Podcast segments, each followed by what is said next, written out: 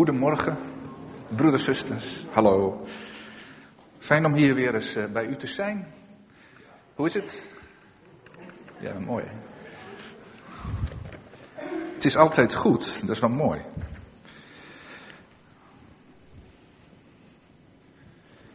Ik was vanmorgen aan het, uh, ja, eigenlijk vanmorgen heel vroeg bezig en, en denken van wat voor woord hebben we vandaag? En ik, waar ik erg aan moest denken, is de, um, de periode waarin we leven als we kijken naar het kerkelijke jaar.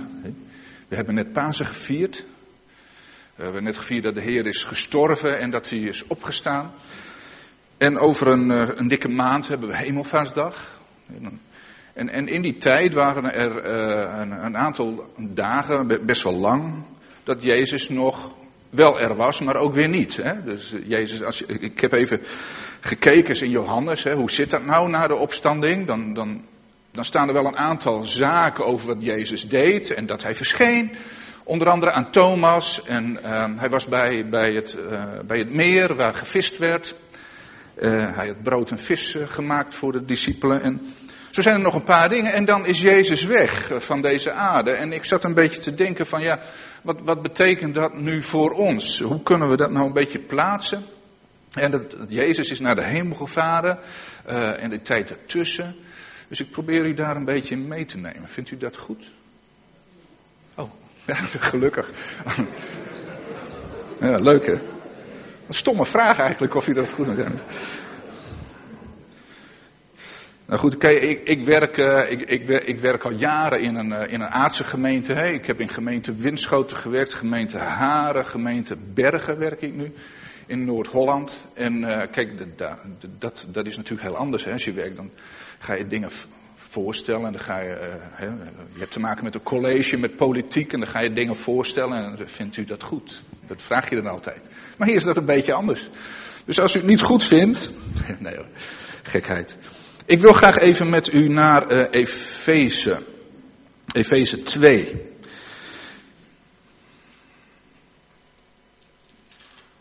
Een van de brieven van Paulus, waarin Paulus een behoorlijk stuk lering neerzet. En het is niet mijn bedoeling deze morgen om heel, uh, heel diep in te gaan op een heleboel dingen, maar ook ja, waar ik wel behoefte aan heb is te kijken van ja, hoe zit dat nu met ons uh, door de dood van Jezus Christus, door zijn hemelvaart. Wat betekent dat allemaal voor ons en hoe ziet God ons? Maar wat betekent dat ook voor ons zijn in deze wereld? Want daar hebben we af en toe nog wel eens wat moeite mee. Tenminste, ik wel. Aan de ene kant de Bijbelse waarheden, aan de andere kant de, de aardse werkelijkheid. Daar, daar, heb je, daar zit, zit, zit strijd. Efeze 2 wil ik graag met u lezen vanaf vers 1 en ik heb ook een statenvertaling meegenomen, maar ik heb ook een, eh, een nieuwe Bijbelvertaling en die ga ik even voorlezen. Efeze 2 vanaf vers 1. U was dood door de misstappen en zonden. Waarmee u de weg ging van de God van deze wereld, de heerser over de machten in de lucht, de geest die nu werkzaam is in hen die God ongehoorzaam zijn. En net als zij lieten ook wij allen ons eens beheersen door onze wereldse begeerten. Wij volgden alle zelfzuchtige verlangens en gedachten die in ons opkwamen en stonden van nature bloot aan Gods toorn, net als ieder ander.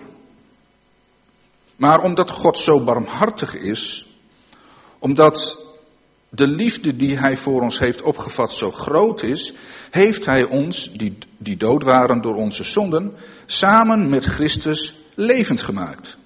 En ook u bent nu door zijn genade gered. Hij heeft ons samen met hem uit de dood opgewekt en ons een plaats gegeven in de hemelsferen in Christus Jezus. Zo zal hij in de eeuwen die komen laten zien hoe overweldigend rijk zijn genade is. Hoe goed hij voor ons is door Christus Jezus. Door zijn genade bent u nu immers gered, dankzij uw geloof. Maar dat dankt u niet aan uzelf, het is een geschenk van God en geen gevolg van uw daden. Dus niemand kan zich erop voorstaan, want hij heeft ons gemaakt tot wat wij nu zijn. In Christus Jezus geschapen om de weg te gaan van de goede daden die God heeft voorbereid.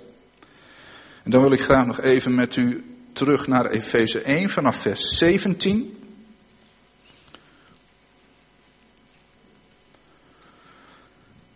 Mogen de God van onze Heere Jezus Christus, de Vader van alle luister, u een geest van inzicht schenken in wat geopenbaard is, opdat u Hem zult kennen. Mogen uw hart verlicht worden, zodat u zult zien waarop u hopen mag, nu Hij u geroepen heeft. Hoe rijk de luister is die de heiligen zullen ontvangen en hoe overweldigend groot de krachtige werking van Gods macht is voor ons die geloven. Die macht was ook werkzaam in Christus toen God hem opwekte uit de dood en hem in de hemelsferen een plaats gaf aan zijn rechterhand. Hoog boven alle hemelse vorsten en heersers, alle machten en krachten en elke naam die genoemd wordt, niet alleen in deze wereld, maar ook in de toekomstige.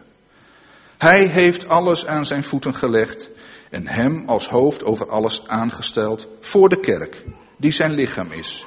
De volheid van hem die alles in allen vervult. Als je deze gedeeltes zo leest, dan staan daar hele grote woorden in. Er staan hele grote woorden in en woorden in die wij soms ook moeilijk kunnen bevatten. En wat ik bedoel met bevatten is van ja, hoe, hoe, hoe, hoe beleven we dat nu? Of hoe zit dat dan? Hoe zit dat in ons leven in elkaar? Ik wil u even meenemen in het volgende. En dat is dat wij Jezus hebben gevolgd. Hè? Dat staat ook in deze gedeelte. We hebben Jezus gevolgd. Als wij tot geloof zijn gekomen, hebben we Jezus gevolgd in zijn dood. Wij zijn met Christus gekruisigd. Hè? Ik ben met Christus gekruisigd. Ik, ik volg hem in zijn dood. Ik volg Jezus Christus in zijn opstanding. En ik volg hem in zijn hemelvaart, want we hebben gelezen, hij heeft ons een plaats gegeven in de hemelse gewesten. Uh, gewesten, NBG-vertaling. Ik geloof dat in de, uh, in de NBV stond hemelsferen. Hè? Dus dat vind ik iets minder. Hemel, dat is net of het een gevoel is, maar dat is het niet. Het is een plaats hè? in het hemelse. Dat wil zeggen dat je ook met Christus niet alleen bent gestorven en bent opgestaan, maar je bent ook met hem naar de hemel gegaan. Maar dat betekent nogal iets. Want wij staan hier gewoon met onze voeten op aarde. Hè? Wij staan hier gewoon en wij leven gewoon in deze wereld. Maar intussen zegt de Bijbel, je bent geplaatst in het hemelse. Je zou het ook anders kunnen zeggen. Je bent, zo staat het ook in Colossense bijvoorbeeld, je bent getrokken uit deze wereld en je bent overgeplaatst in het koninkrijk van de zoon van zijn liefde, van zijn liefde, geliefde zoon. Dus je bent niet meer van deze wereld. Dat is iets wat Jezus zegt in zijn hoge priestelijk gebed. Je bent niet meer van deze wereld, maar je bent van Christus en je bent in Hem.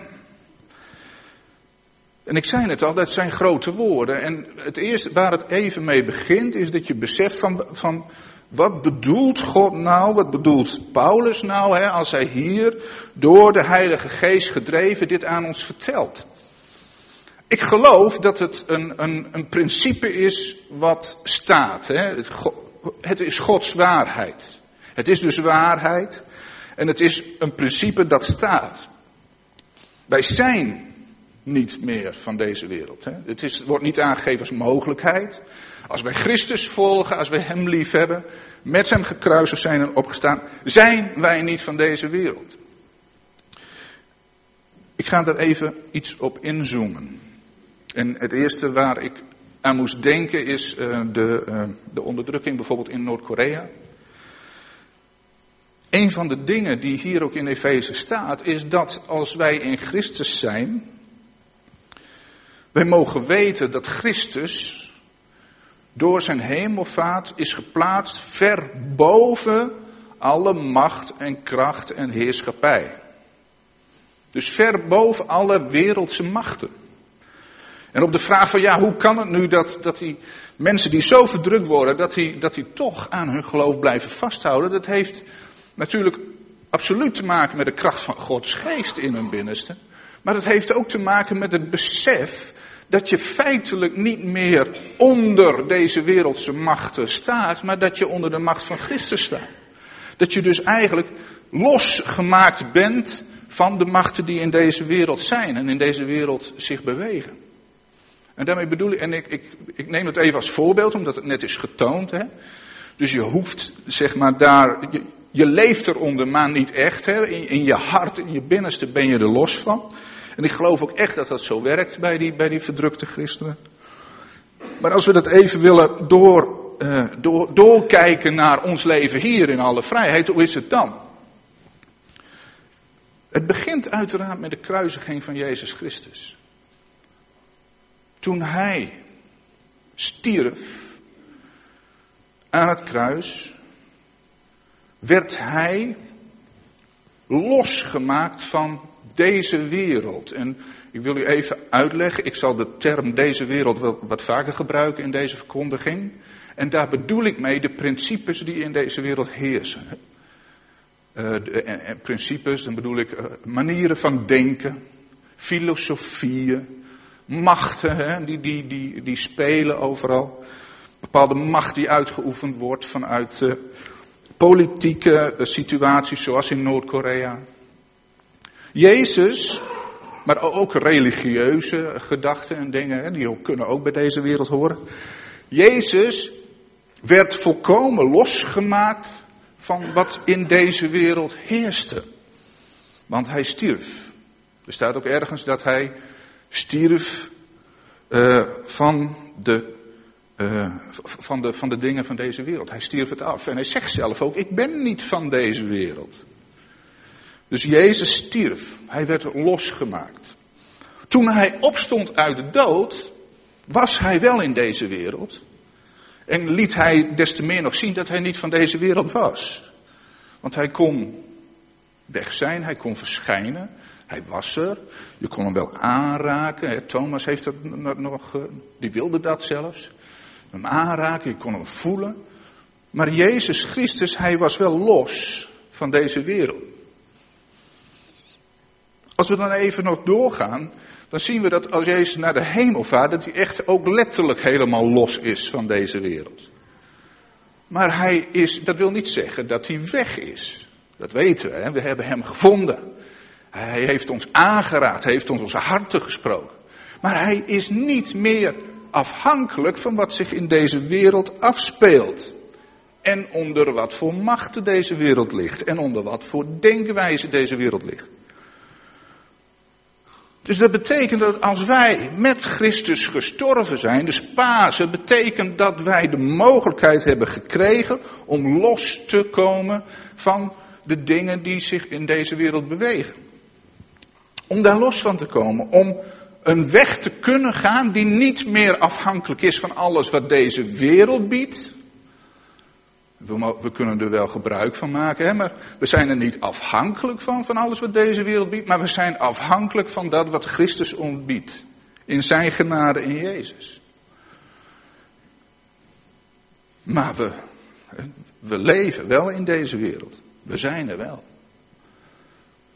Met ons lichaam. We moeten eten, we moeten drinken, een dak boven het hoofd, een bed om in te slapen. We moeten werken, dus we bewegen wel in deze wereld. Wat betekent dat dan voor ons in de praktijk? Hè? Dat wij losgemaakt zijn van de principes van deze wereld, zoals die in deze wereld zijn.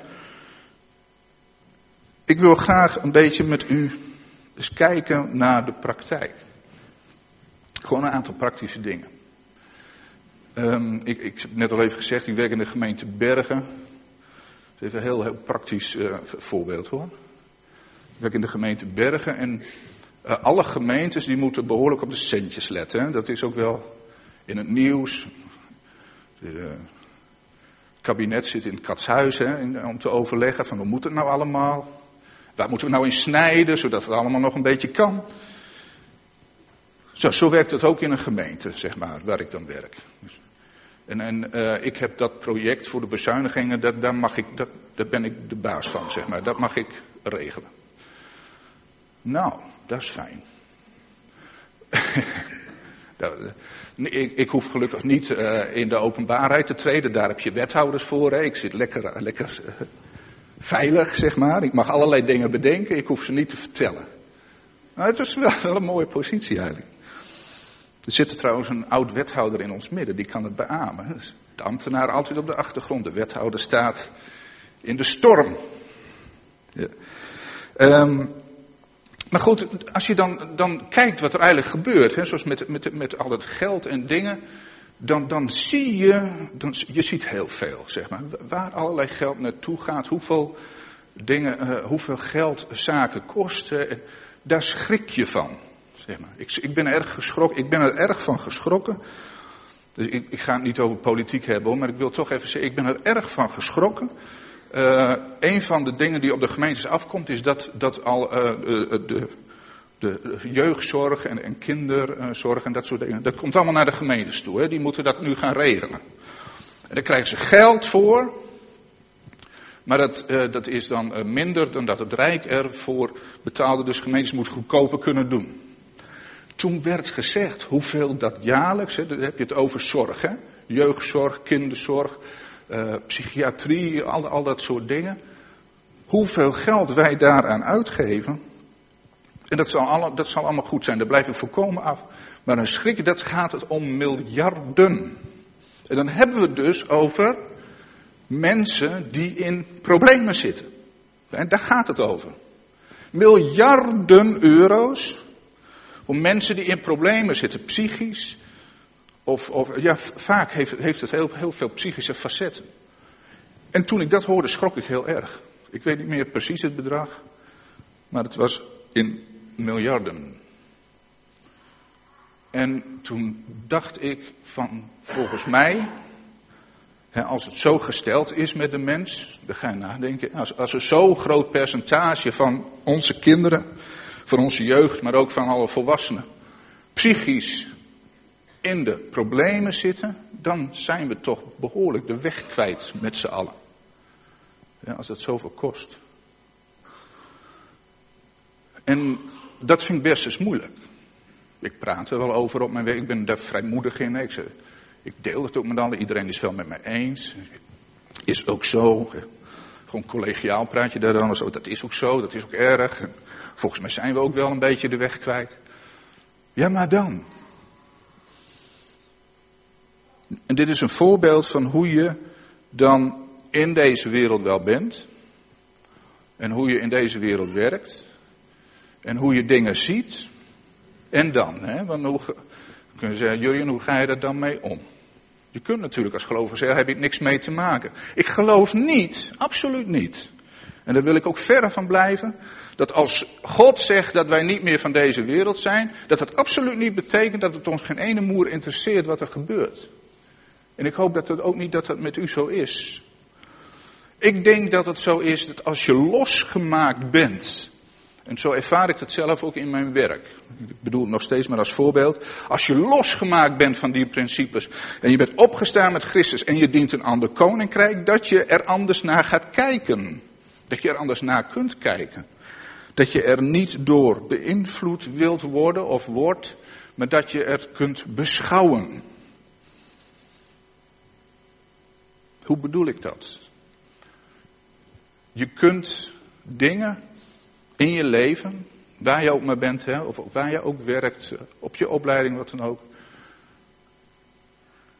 kunnen gebeuren zonder dat het je echt raakt. Zonder dat het je echt uh, uh, beïnvloedt. Zo bedoel ik het eigenlijk. Het kan je wel raken, pijn in je hart doen, hè? maar zonder dat je daardoor in de war raakt.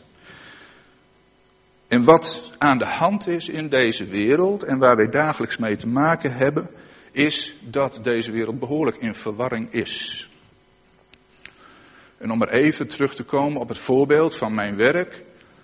Alles wat besloten moet worden, ook in het katshuis, maar ook zo in gemeentes, maar ook in bedrijven en overal, het is altijd economie gedreven. Het heeft altijd met geld te maken, het is altijd economie gedreven. En daar moeten wij als christenen wel onze weg in vinden. Want willen wij daarin mee? Of hebben wij daar andere gedachten over? En waarom zeg ik dit nu even? Het valt mij op. En, en als ik het fout heb, heb ik het fout hoor. Maar het, het valt mij op dat wij als christenen soms niet zo goed weten wat wij daarmee moeten. En dan hebben we het er maar niet over. En dan laten we het maar gaan. Maar ik denk dat christenen in Nederland, en dat begint uiteraard bij jezelf, best heel goed mogen nadenken over wat er nu aan de hand is hier in deze wereld. Je mag best heel goed nadenken van wat gebeurt hier nu eigenlijk.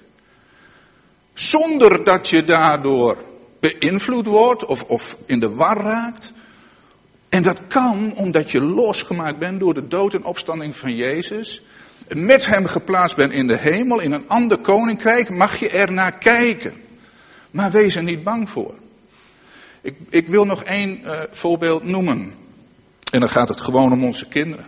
Dan gaat het gewoon, ik heb zelf een aantal. Het gaat gewoon om onze kinderen die in deze wereld rondlopen. Op een gegeven moment uh, moet je ze wat meer loslaten, hè, gaan ze hun eigen gang. Maar ik heb het maar gewoon even over muziek. Nou, u, ieder die kinderen heeft weet, tv hoeft maar aan. Er zijn allerlei muziekzenders, clips. Je weet soms niet wat je ziet. Gewoon overdag op tv en videoclips en dat soort dingen. En uh, liedjes in het Engels. En dan ga je, moet je eens luisteren. Moet je, en dat is wel eens lastig. Hè, mogen ze dat nou zien? Ja, om in, in de goed kwaad uh, uh, te gaan zitten, dat raad ik u niet aan. Ik zou zeggen, luister eens mee. Luister gewoon eens mee, we gaan die liedjes nou over. En ga dan eens gesprek aan met je kind. Weet je wel wat, wat, wat er nu gezongen Er worden soms de gekste dingen gezongen. Bij het goren af. En dan zou je eens met je kind in gesprek kunnen gaan. Wat vind jij daar nou van? Dat dat gezongen wordt. Oh, dat hoor ik niet eens. Zo is het ook nog vaak. Dat hoor ik niet eens. Weet ik niet eens. Wat bedoel ik hiermee te zeggen? Wij zijn soms veel te bang en gaan in de, uh, de, de, fout of, of mag niet uh, uh, stand staan, zeg maar. Druk op de mag niet knop. En, en gaan dingen verbieden. Of gaan er afstand van nemen of verstoppen ons. Hè. Ik bedoel het dan veel breder dan alleen muziek. In plaats van dat wij gewoon ons interesseren in van waar gaat het nu over? Wat gebeurt hier nu? Christenen hebben de neiging om zich een beetje te verstoppen. En dat, dat is jammer, want het hoeft helemaal niet. Je kunt geweldige gesprekken aangaan. Ik, uh, ik heb het wel eens vaker, en misschien deed u ook, komt u weer. Ik heb het wel eens vaker over evolutie en zo. En mensen geloven het allemaal. Prachtige ingang om het daar eens met mensen over te hebben. En ik zei het nog in mijn moeder in de auto. Ik, moest er ook aan denken. We waren aan het rijden, zo hier naartoe. En uh, op een gegeven moment dacht ik eens een keer, en dat zei ik laatst ook tegen een groepje collega's, van als de evolutietheorie waar is, soms gooi ik dat er gewoon zo in, hè, dat is leuk. Dan heeft een mens over een x miljoen aantal jaren wielen en kan snelheden van 120, 130 halen. En wat bedoel ik daar mee? Wat gek, gekke man. Nou, de evolutietheorie leert ons, hè, zeg ik dan, dat, uh, dat wezens zich aanpassen aan omstandigheden. En als er bijvoorbeeld een, een vijandig iets is, dan gaan ze iets ontwikkelen om die vijand tegemoet te treden. Of als een, een vis, die denkt opeens, hé, hey, er is land in de buurt en nu moet ik pootjes krijgen. Ja, dat zegt de evolutietheorie. En nou, heel simpel hoor. Uh, als dat zo is dat wij ons graag heel snel op vier wielen willen verplaatsen, dan geloof ik absoluut dat wij over een miljoen jaar wielen hebben. Ja, maar dat kan toch niet? Ja, Volgens dat wel. Hè. Ja, volgens de evolutietheorie zou dat kunnen. Ja, zei iemand dan van, maar dan heb ik veel meer voor vliegen. Eigenlijk zou ik dan wel vleugels willen hebben. Ik zei, nou, maar daar komen we vandaan. Hè. Dat hebben we gehad. Vogels, dat is een lagere soort. Nee, mensen met wielen, dat lijkt mij veel beter. Nou, een beetje gekheid op een stokje, maar uh, je, kunt, uh, je kunt je best verdiepen.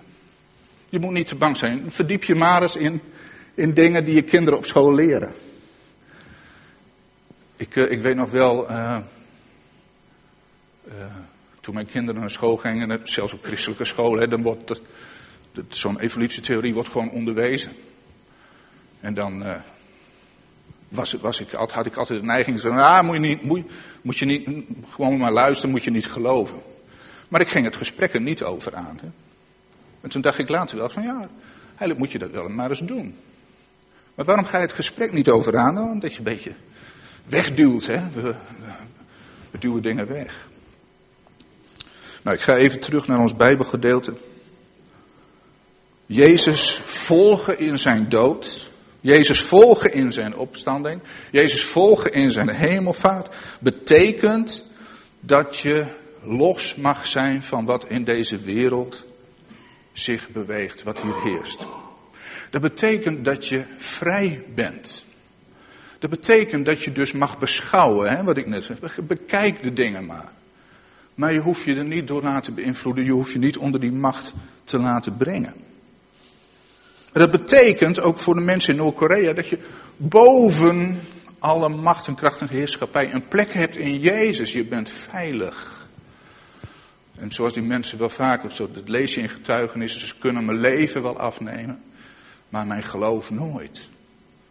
En dat is dat je vast bent in Jezus. En dan wil ik even nog u meenemen naar, uh, naar, naar hoe, hoe zit het dan met, met, met ons denken? Hè? Hoe zit het dan met hoe wij, hoe wij dan naar dingen mogen kijken met z'n allen?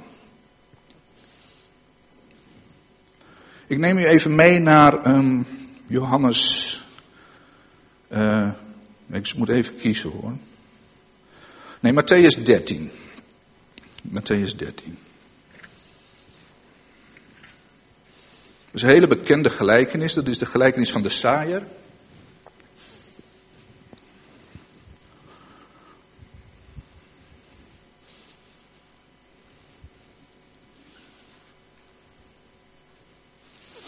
Johannes 18 en vers 36. Dan lees ik even ook een stukje daarvoor hoor.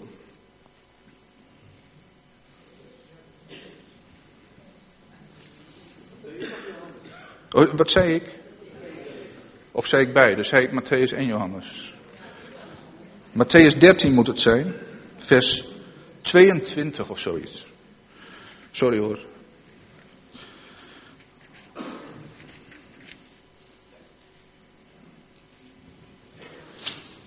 Daar gaat Jezus de gelijkenis van de, van de saaier uitleggen. En dan begin ik toch even te lezen bij vers 18. Gij dan hoort de gelijkenis van de saaier. En dit is statenvertaling wat ik nu lees. Als iemand dat woord van het koninkrijk hoort en niet verstaat, zo komt het boze en rukt het weg, hetgeen in zijn hart gezaaid was. Deze is degene die bij de weg bezaaid is. Dus het gaat er hier over dat het woord van God tot je komt. En uh, als je het wel hoort, maar je begrijpt het niet, hè, je denkt, eh, ik kan niks mee, dan neem de boze het weer weg. Dat is eigenlijk wat hier staat. Dus horen en niet verstaan betekent hè, dat je eigenlijk niet goed luistert en nadenkt over de boodschap. Dan staat er, maar die in steenachtige plaatsen bezaaid is, deze is degene die het woord hoort en dat terstond met vreugde ontvangt. Doch het heeft geen wortel in zichzelf, maar is voor een tijd. En als verdrukking of vervolging komt om des woords wil, zo wordt hij terstond geërgerd, staat hier. Maar eigenlijk, als staat, hij struikelt. dus dat zijn mensen, oh mooi, mooi, mooi evangelie, ja heer, ik wil u volgen, ik wil u dienen. En dan wordt het moeilijk en dan, ja, dan valt het uit de handen weg. Dan struikelen we.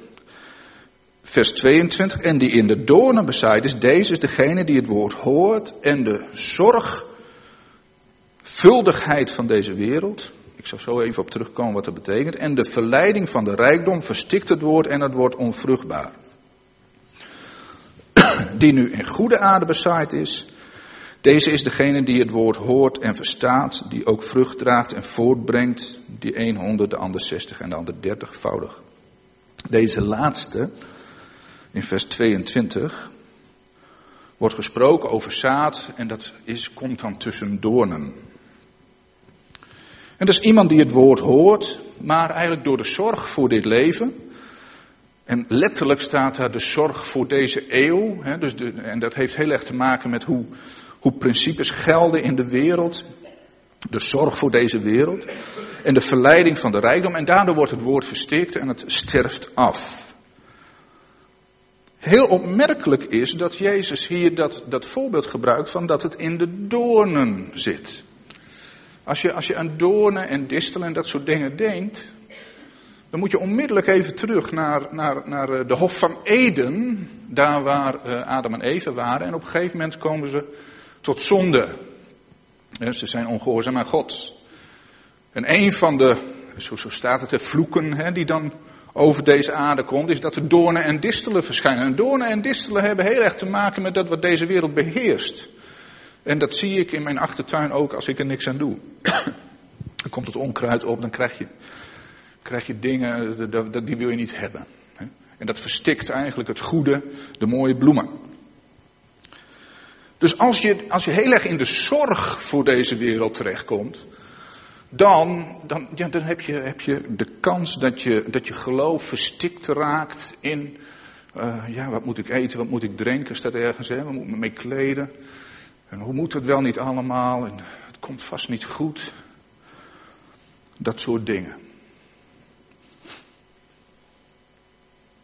Het los kunnen komen van deze wereld heeft er niet mee te maken, dat, dat heb ik ook wel geroepen hoor. Zo van, ah joh, dat doet er allemaal niet toe. Het gaat erom dat je in de Heer bent. Ja, het doet er allemaal niet toe. Ik ben toch wel blij dat ik nu kleren aan heb, zeg maar. Ik ben toch wel blij als ik ook te eten heb. Ik ben toch wel blij dat ik ook werk heb. Ik ben ook blij nog dat ik verantwoordelijk werk heb, want dan kan ik mijn ei kwijt. Ik ben toch wel blij dat, uh, hè, dat we het goed hebben met elkaar. Ja, natuurlijk mag dat, maar zorg, dat is weer heel anders. Dat is een heel ander verhaal. Als je je dagelijks allemaal bezighoudt en als je dagelijks, als je de krant leest, verschrikt bent en oh gutte, gutte, gut, hoe moet dat allemaal? Dat is zorg. Daar word je grijs van. Daar word je moe van, daar word je schrikachtig van, daar word je van in de war. En dat is wat veel mensen gebeurt. Veel mensen krijgen iets van gutte, gutte, gut, dit gaat helemaal niet goed. Ik wil nog even een voorbeeld noemen. Ik hoop dat u mij dat niet kwalijk neemt, maar ik vind het wel goed om dingen soms maar gewoon eens even te zeggen. Bijvoorbeeld uh, de zorg. De zorg. Ook in verband met bezuiniging moeten bezuinigen op de zorg. En dan zie je gewoon dat aan de ene kant wordt enorm veel wel gedaan. En ook heel veel goede dingen gedaan. Aan de andere kant worden er heel veel dingen niet gedaan of te weinig. En mensen die, die liggen veel te lang in hun bed en kunnen niet naar de wc en al dat soort dingen. Zorg. Dus miljarden gaan daar naartoe. Zorg. Als je nou eens gaat nadenken, als je nou eens gaat nadenken, als je nou eens gaat, gewoon eens, ook als christen mag je daarover nadenken. Als je daar nou gewoon eens naar gaat kijken, dan denk je, dan denk je toch, kom je toch gauw tot de conclusie van mensen, daar zijn we toch ook geweldig de weg kwijt. E-, even, even heel, uh, Even gewoon, neemt u me niet kwalijk als ik iets zeg wat u pijn doet, maar ik wil gewoon even recht zeggen. We stoppen oude mensen vol met medicijnen. En dat is niet één pil hoor, dat zijn er twintig. S'morgens, smiddags en s avonds. we stoppen ze in, in verzorgingstehuizen. Dan zijn we toch de weg kwijt. Ik mag daar best over nadenken als christen toch? Maar wat vinden wij daar dan van? Nou, dat, dat vinden we nog wel eens een beetje moeilijk. En ik zeg ook niet dat we nu een heel soort sociaal christendom moeten hebben waarmee we de wereld gaan veranderen. Maar ik vind wel dat wij daar iets van mogen vinden. Dat we niet van deze wereld zijn. Maar juist omdat we in een ander koninkrijk gesteld zijn, mogen nadenken over dingen en ga maar eens in gesprek. En als je daarover nadenkt, want dat heb ik aan de lijve ondervonden ook, als je daarover nadenkt en als gewoon eens over die actuele onderwerpen, met, met, met de Bijbel in je hand, gewoon dingen kunt, gesprekken kunt voeren met mensen, heb je ingang. Omdat het gaat over dingen waar ze dagelijks mee te maken hebben. Ik denk, ik geloof, dat we daar veel meer mee bezig mogen zijn. Kijk, Jezus zegt, ik ben niet van deze wereld. Jezus zegt, jij bent niet van deze wereld. Maar hij zegt ook, gelijk mij de Vader gezonden heeft, zend ik ook u. En waar Jezus mensen raakte, dat was in hun gewone leven. In de dingen waar ze dagelijks mee bezig waren. En in die tijd ging het om dat er geen eten was. En Jezus bracht brood en vis. De wonderbare spijsgingen. Hij gaf de mensen te eten. Eten is nu niet het probleem. Tegenwoordig. Maar in de des mensen geest, zeg maar. Hè, in de hoofden van de mensen is het verward.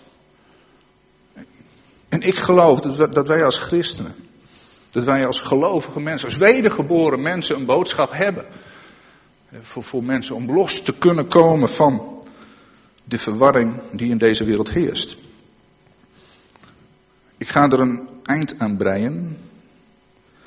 Ik wil u graag nog even meenemen naar. Ik, ik denk soms even na, ik heb een rijtje tekst opgeschreven. Ik heb niet echt een preek gemaakt deze keer. Um, ik ga u meenemen naar. Hebre nee. Leuk is dit. Het is best een keer leuk om te doen. Hè. Eens kijken hoe u reageert. Even kijken hoor. Um, toch maar Romeinen 12. Ik, ik weet niet om een of andere reden. Kom ik heel vaak uit bij Romeinen 12. En um, Romeinen 12, vers 2, vers 1 en 2 is dan toch zo'n soort kernboodschap, waarin eigenlijk heel compact de boodschap staat van hoe wij met dingen om zouden moeten kunnen gaan.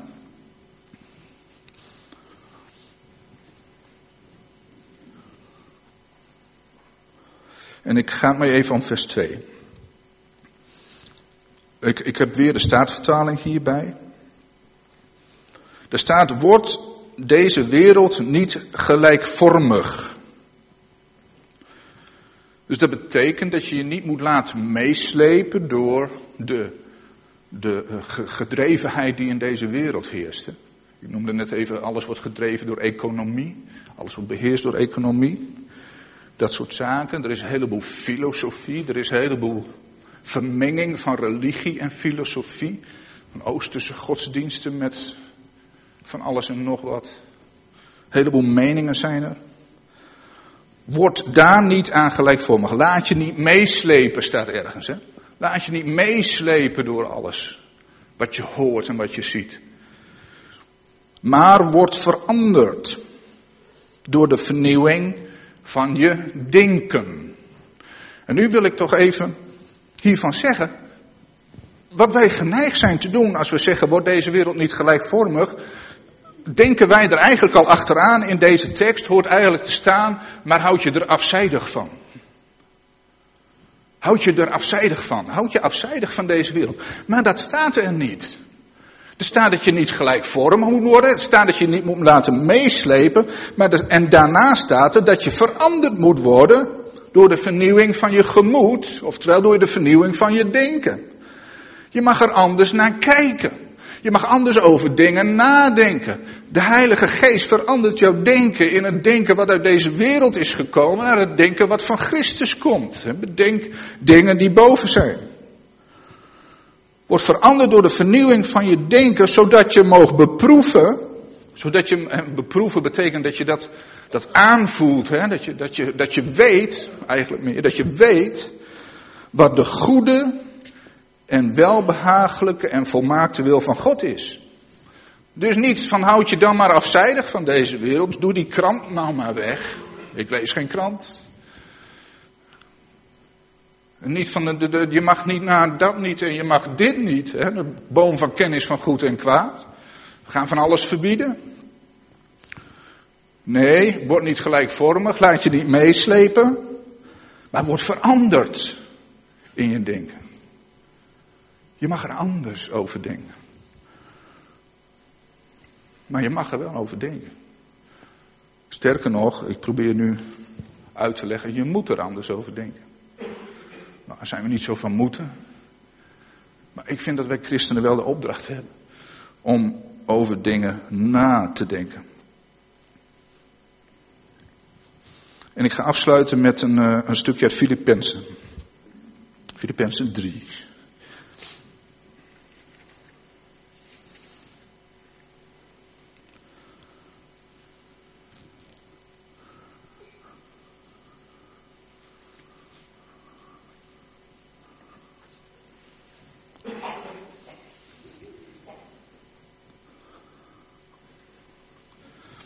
Ga bij vers 20. Daar gaat het mij even om. Nou, vers 19 hoort erbij. Hè? Dat gaat over mensen die anders wandelen dan je eigenlijk als gelovige zou moeten doen. En er staat er, zegt Paulus, zij zijn vijanden van het kruis van Christus. dus dat zijn, dat zijn mensen die, die dan in, in allerlei uh, wellusten en, en allerlei dingen blijven hangen. En allerlei zonden hè, blijven doen. En Paulus zegt dan, die zijn vijanden van het kruis van Christus. Dat betekent dat dus, die willen niet sterven aan de zonde en, en de heerschappij die in deze wereld is. De heerschappij van de zonde. Dan staat vers 19, hun einde is het verderf, hun God is de buik, en heerlijkheid is in hun schande en ze bedenken aardse dingen. Wat betekent dat? Ze zijn met aardse dingen bezig, willen zich voeden met aardse dingen en zijn heel erg bezig met dit leven alleen. En zeggen ook dat anderen dat moeten doen. Dus dat betekent dat je heel snel begeertes wilt vervullen. Ook zo'n trend. Vroeger als je iets bestelde, vond je twee weken snel. Als je nu iets bestelt, wil je het direct hebben. Ja, dat is computergestuurde maatschappij. Als ik een, eh, even, even, als ik een film kijk eh, met mijn kinderen uit de jaren zeventig of zo, zo'n film die heel langzaam op gang komt, weet je wel, die tweeënhalf uur duurt. Zo'n mooie oude western of zo. Saai. Gebeurt je niks. Beetje Groningen zit er nog in. Er gebeurt ja niks. Nee, ja, er gebeurt een heleboel.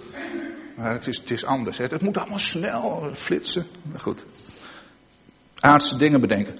Onze wandel, staat, dan in vers 20. Onze wandel, en dat betekent eigenlijk onze praktijk. Zoals wij in de praktijk leven. Is in de hemelen. Dan heb je hem opnieuw, hè. In Efeze stond, we zijn geplaatst in de hemelse gewesten. Hier staat, maar onze wandel is ook in de hemelen. Dus het is niet alleen dat wij daar een plek hebben. Zo van, wij leggen theoretisch vast dat wij eigenlijk in de hemel geplaatst zijn. Nee, maar onze wandel, onze praktijk is ook daar. En dat betekent dus dat je vanuit de hemel op deze aarde leeft. Ja, vanuit de hemel leef je op deze aarde. Vanuit het koninkrijk van God, vanuit zijn denken leef je op deze wereld. En daar volgt je praktijk ook uit. En uit die hemel verwachten wij ook de zaligmaker, namelijk onze Heer Jezus Christus.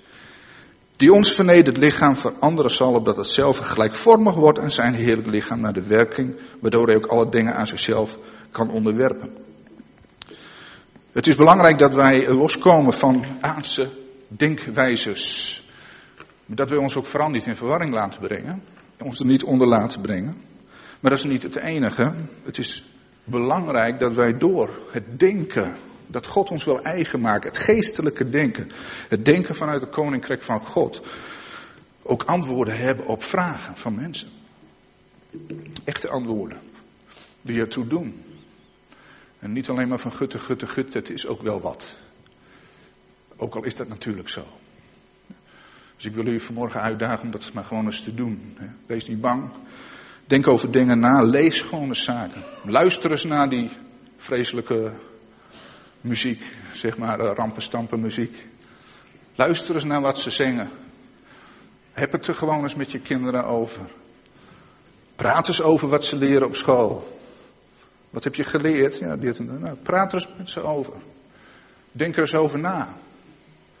En uh, intussen is het gewoon heerlijk, en dat, dat stijgt boven alles uit, heerlijk om te weten dat je door de dood en opstanding van Jezus Christus vrij gemaakt bent. Van alles wat deze wereld beheerst en dat je er los van mag zijn. En dat je verbonden mag zijn met Jezus Christus, Hij die onze verlosser is en ons het leven geeft. Zullen we samen bidden?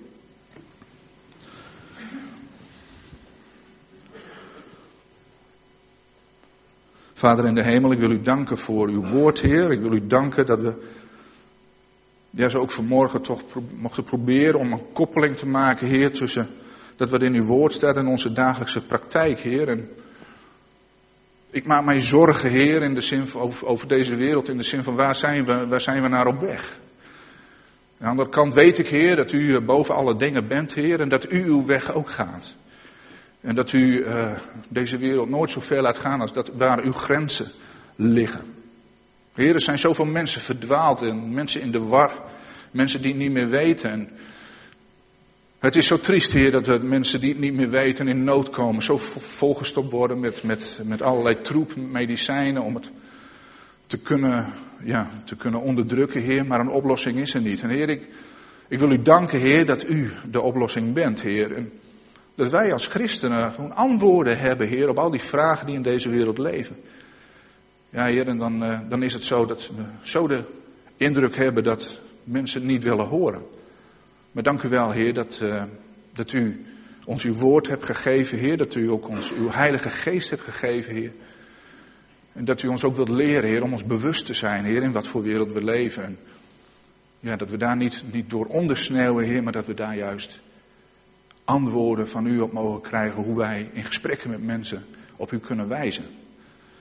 Heer, ik wil u, uh, wil u danken, Heer, dat we door u verlost zijn, Heer.